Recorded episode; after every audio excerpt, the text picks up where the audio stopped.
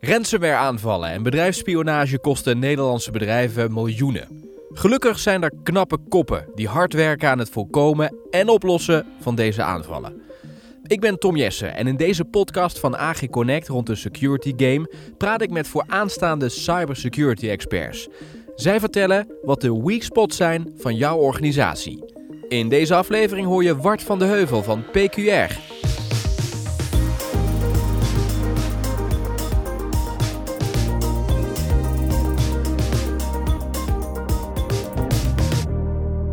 Wat doe je bij eh, PQR, eh, Wart? Goedemiddag Tom. Uh, Wart van Heuvel inderdaad. Ik ben een van de strategic IT-architecten binnen PQR. En vanuit die hoedanigheid zit ik ook in het CTO-office, waar ik mijn voornaamste focus heb op de service delivery kant. dus hoe wij onze dienst aan klanten leveren, hoe wij die kunnen verbeteren en ook welke producten we daarin doen. Ja, je ziet natuurlijk de laatste tijd in het nieuws komt er heel veel naar voren van ransomware attacks. Denk bijvoorbeeld aan het Hof van Twente recentelijk nog. Um, maar ook gewoon de standaard zero of standaard de zero day attacks. Uh, met de zero day attacks moet je bedenken dat er iemand heeft een, een veiligheidslek gevonden binnen software en die maakt daar gebruik van.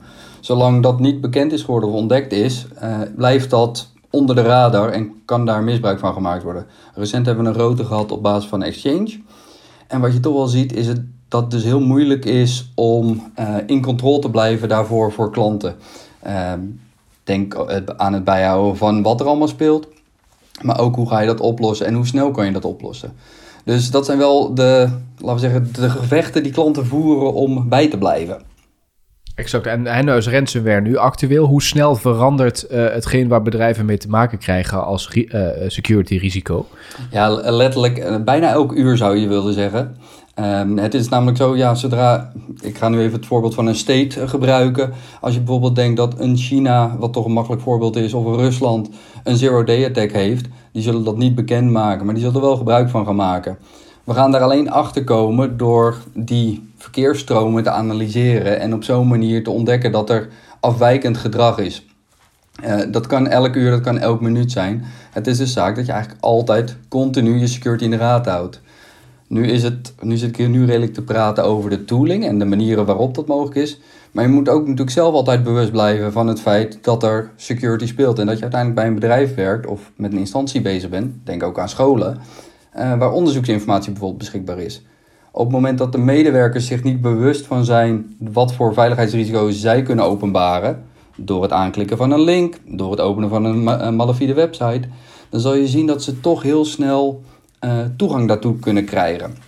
Dus ook die gebruikers-awareness is super belangrijk om te voorkomen dat er niet een zero-day, uh, ja, hoe zeg je dat? Uh, breuk op ontstaat. Exact. Um, nu kan ik me ook voorstellen dat het is iedere dag in het nieuws. Um, je hoort er veel over. Je hoort ook bijvoorbeeld bij de Universiteit Maastricht, dus een bekend voorbeeld wat, wat vaak wordt aangehaald, dat de schade groot kan zijn op het moment dat het een keer misgaat. Toch heb ik het idee dat de urgentie bij veel bedrijven nog ontbreekt. Dat is mijn idee. Hoe zie jij dat? Eh, zeker. Uh, uiteindelijk de gesprekken die wij natuurlijk ook met onze klanten voeren is, uh, ja, je moet wat met je security doen. En je kan het zien als een verzekeringspolis. Hè? Uiteindelijk wordt heel veel security wordt eigenlijk daarop geschoven. Zolang het goed gaat, gaat het goed. Als je geen deuk in je auto hebt, ja, waarvoor heb je die verzekering nodig? Op het moment dat het misgaat, gaat het vaak goed mis.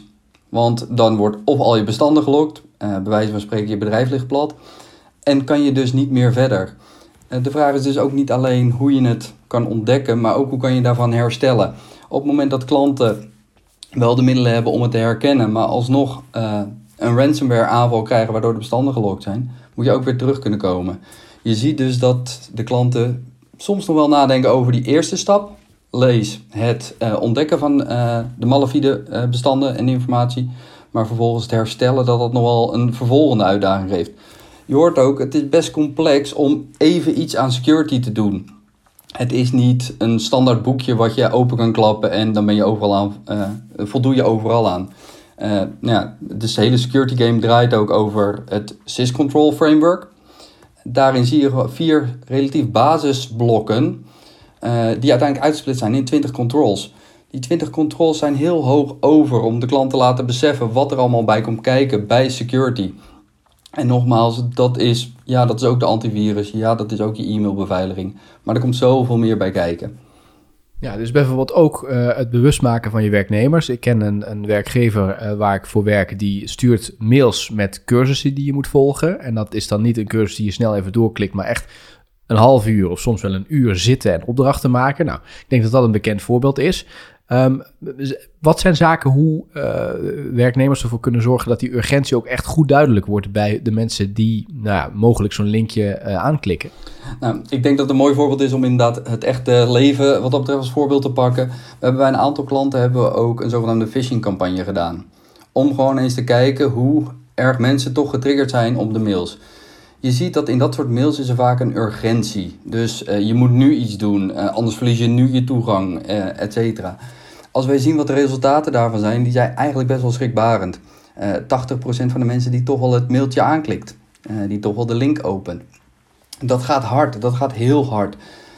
Um, als je dus daarmee bezig bent, ja, je moet constant inzicht houden. En je kan de beveiliging kan je op twee manieren eigenlijk doen. Je kan het enerzijds beperken. Dus dit mag niet. Of anderzijds controleren. Oké, uh, je mag alles doen, maar wij kijken met je mee. Wij helpen je, we ondersteunen je. En security is dusdanig complex geworden dat dat beperken, dat lost het niet op. Er zijn nog wel voorbeelden in het nieuws geweest van bijvoorbeeld medische dossiers. Die moeten netjes via het patiëntendossier gedeeld worden met een andere arts. Maar ja, via WhatsApp is het makkelijker om even snel iets te delen met een collega die um, gaten in de security wat dat betreft zijn wat, zorgen, voor dat, zorgen voor een groter probleem dan als je op de controlestand gaat. Waarbij je dus wel faciliteert dat mensen bestanden kunnen delen, informatie toe, uh, kunnen bekijken, websites kunnen bekijken, etc. Maar dat je uh, die stroom van informatie controleert. Hmm.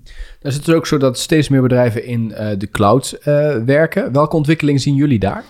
Ja, nu zie je de voornaamste is dat eigenlijk SaaS wordt, SaaS software as a service, wordt heel populair. Letterlijk een afdeling kan zelf de creditcard trekken en dan uh, gebruik maken van die diensten.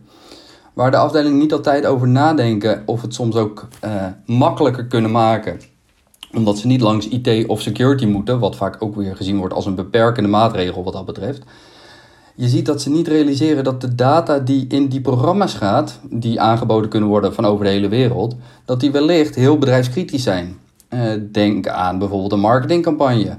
Ja, daar staan al je klantgegevens, je prospects, alle informatie staat erin. Met de huidige AVG-wetgeving moet jij weten waar jouw bestanden staan. Moet jij weten wat voor informatie er is. Waar ze leven en wat persoonsgegevens daarin ook nog eens zijn. Op het moment dat bij wijze van spreken dus de creditcard getrokken is, uh, die gegevens staan ergens over de wereld verspreid. En IT is niet op de hoogte, of de security office is niet op de hoogte. Dan is dat dus wederom een best wel een groot gat als daar een datalek ontstaat. Je ziet dus uh, naar de versazing en ook naar de cloud zelf wordt vaak uh, gezien dat ontzorgd gelijk. Want de leverancier is daarvoor verantwoordelijk. Mm, dat is niet helemaal waar. De leverancier is wel verantwoordelijk, maar jij blijft eindverantwoordelijk. Ook bij de clouddiensten, uh, denk bijvoorbeeld weer eens aan, dan gaan we toch weer iets stapje terug naar de infrastructuurkant. De, of de systemen kunnen in de cloud draaien. Betekent dat dat je ook direct een backup hebt? Kijk naar Office 365 e-mail. Als ik een mailtje weggooi, dan is die gewoon weg. Er zijn wel wat kleine middelen, patches om daar gebruik van te maken. Maar als iemand kwaadwillend wil en jouw mailbox weggooit, dan is die weg weg.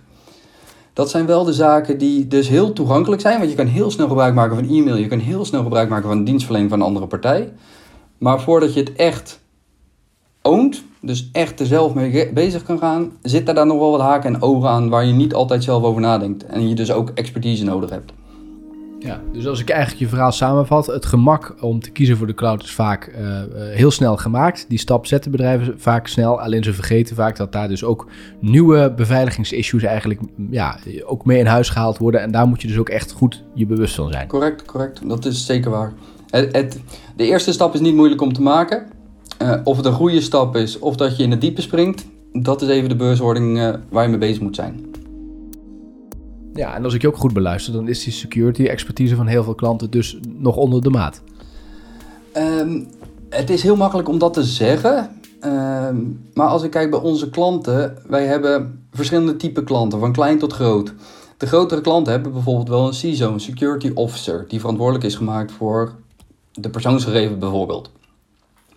Wil dat zeggen dat hij dan gelijk zicht heeft op alle veranderingen die er zijn in, uh, in de wereld? Wat ik net al zeg, letterlijk per uur kunnen er vulnerabilities ontstaan of bekendgemaakt worden, die wel gelijk van impact zijn op je dienstverlening.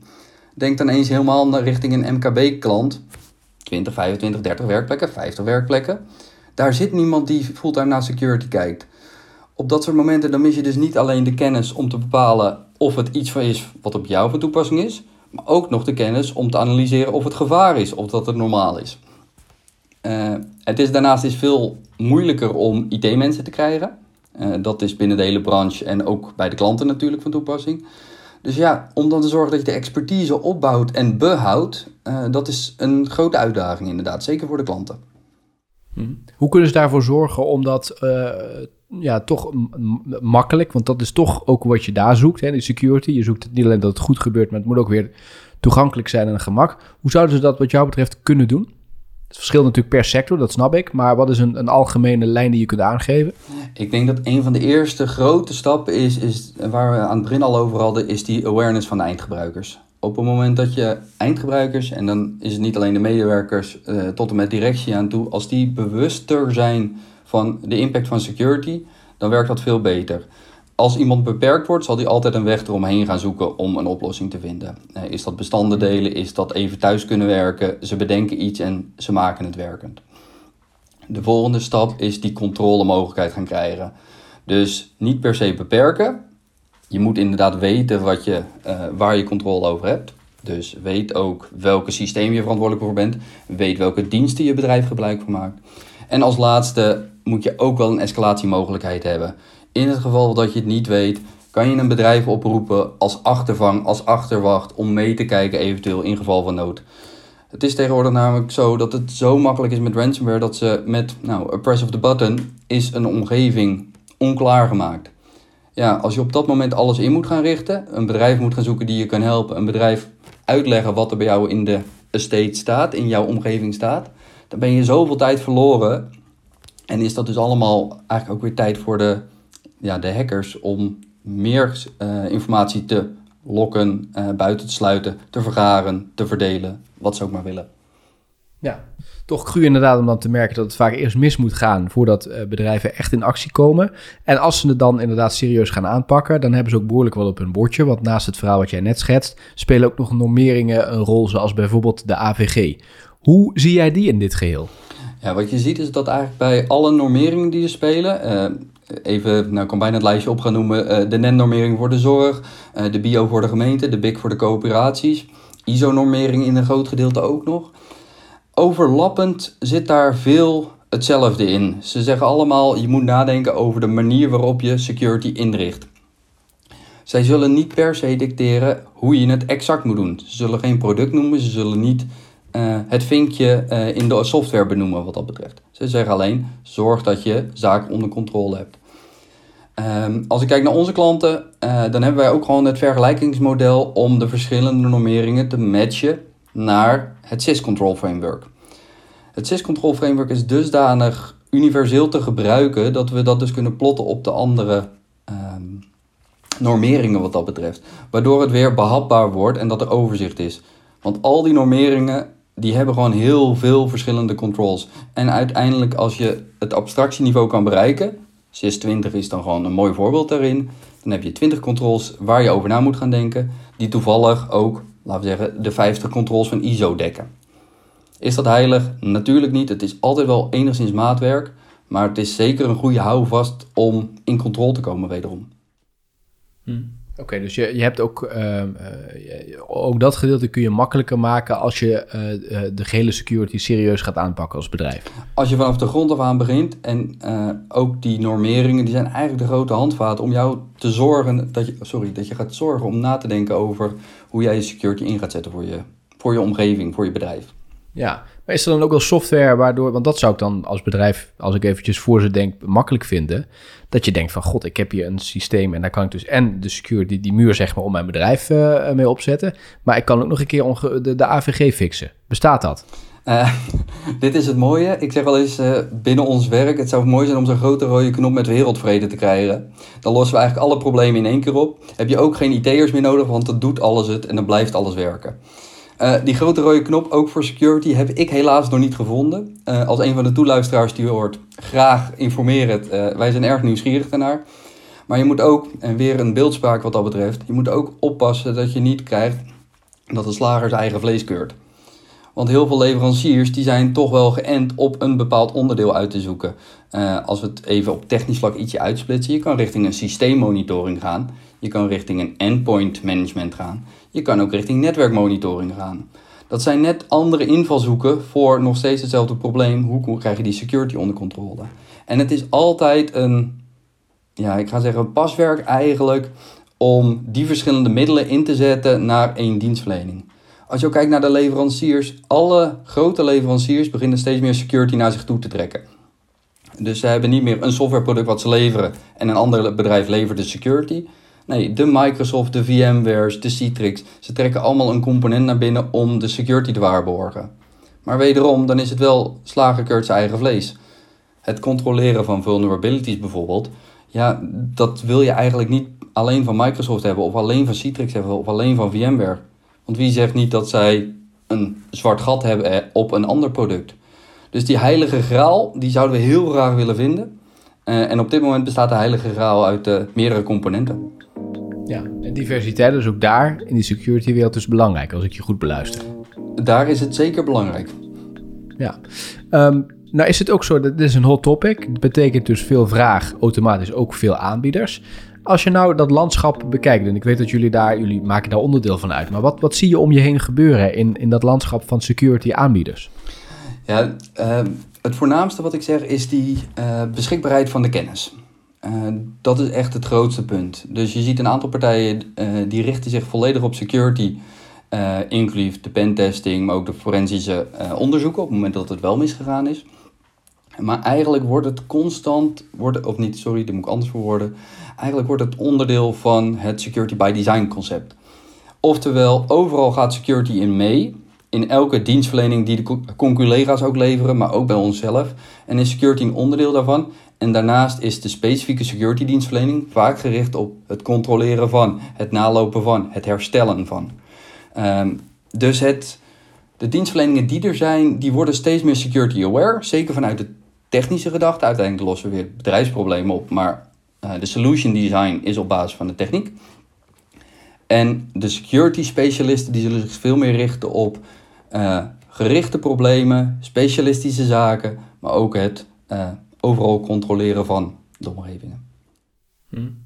Oké, en, en, maar wat zegt dat dan over de. Over de er blijft dus uh, heel, heel diversiteit in het landschap, maar wat zie je overal? Wat zijn een aantal algemene ontwikkelingen? De, grote ontwikkelingen zijn de zero-day attacks. Uh, oftewel artificial intelligence ook in gaan zetten voor die data te uh, ontdekken. En dan gaan we echt eigenlijk in op de, de features die in de nieuwe gereedschapskisten zitten. Uh, en dat is toch wel de grootste, omdat ik, wat ik al zeg, je kan niet meer, je weet niet wat er anders is geworden met die zero-day attacks. Het is vooral het zorgen dat je kan analyseren dat er een verandering is op het landschap. Dus dat is wel de voornaamste waar de hele wereld naartoe draait. Um, wat je wel ziet is dat artificial intelligence is een heel breed begrip waar heel veel zaken onder geschaard worden. Uh, maar de implementatie daarvan is erg moeilijk. Dus je hebt vaak hoge leercurven met dat soort producten.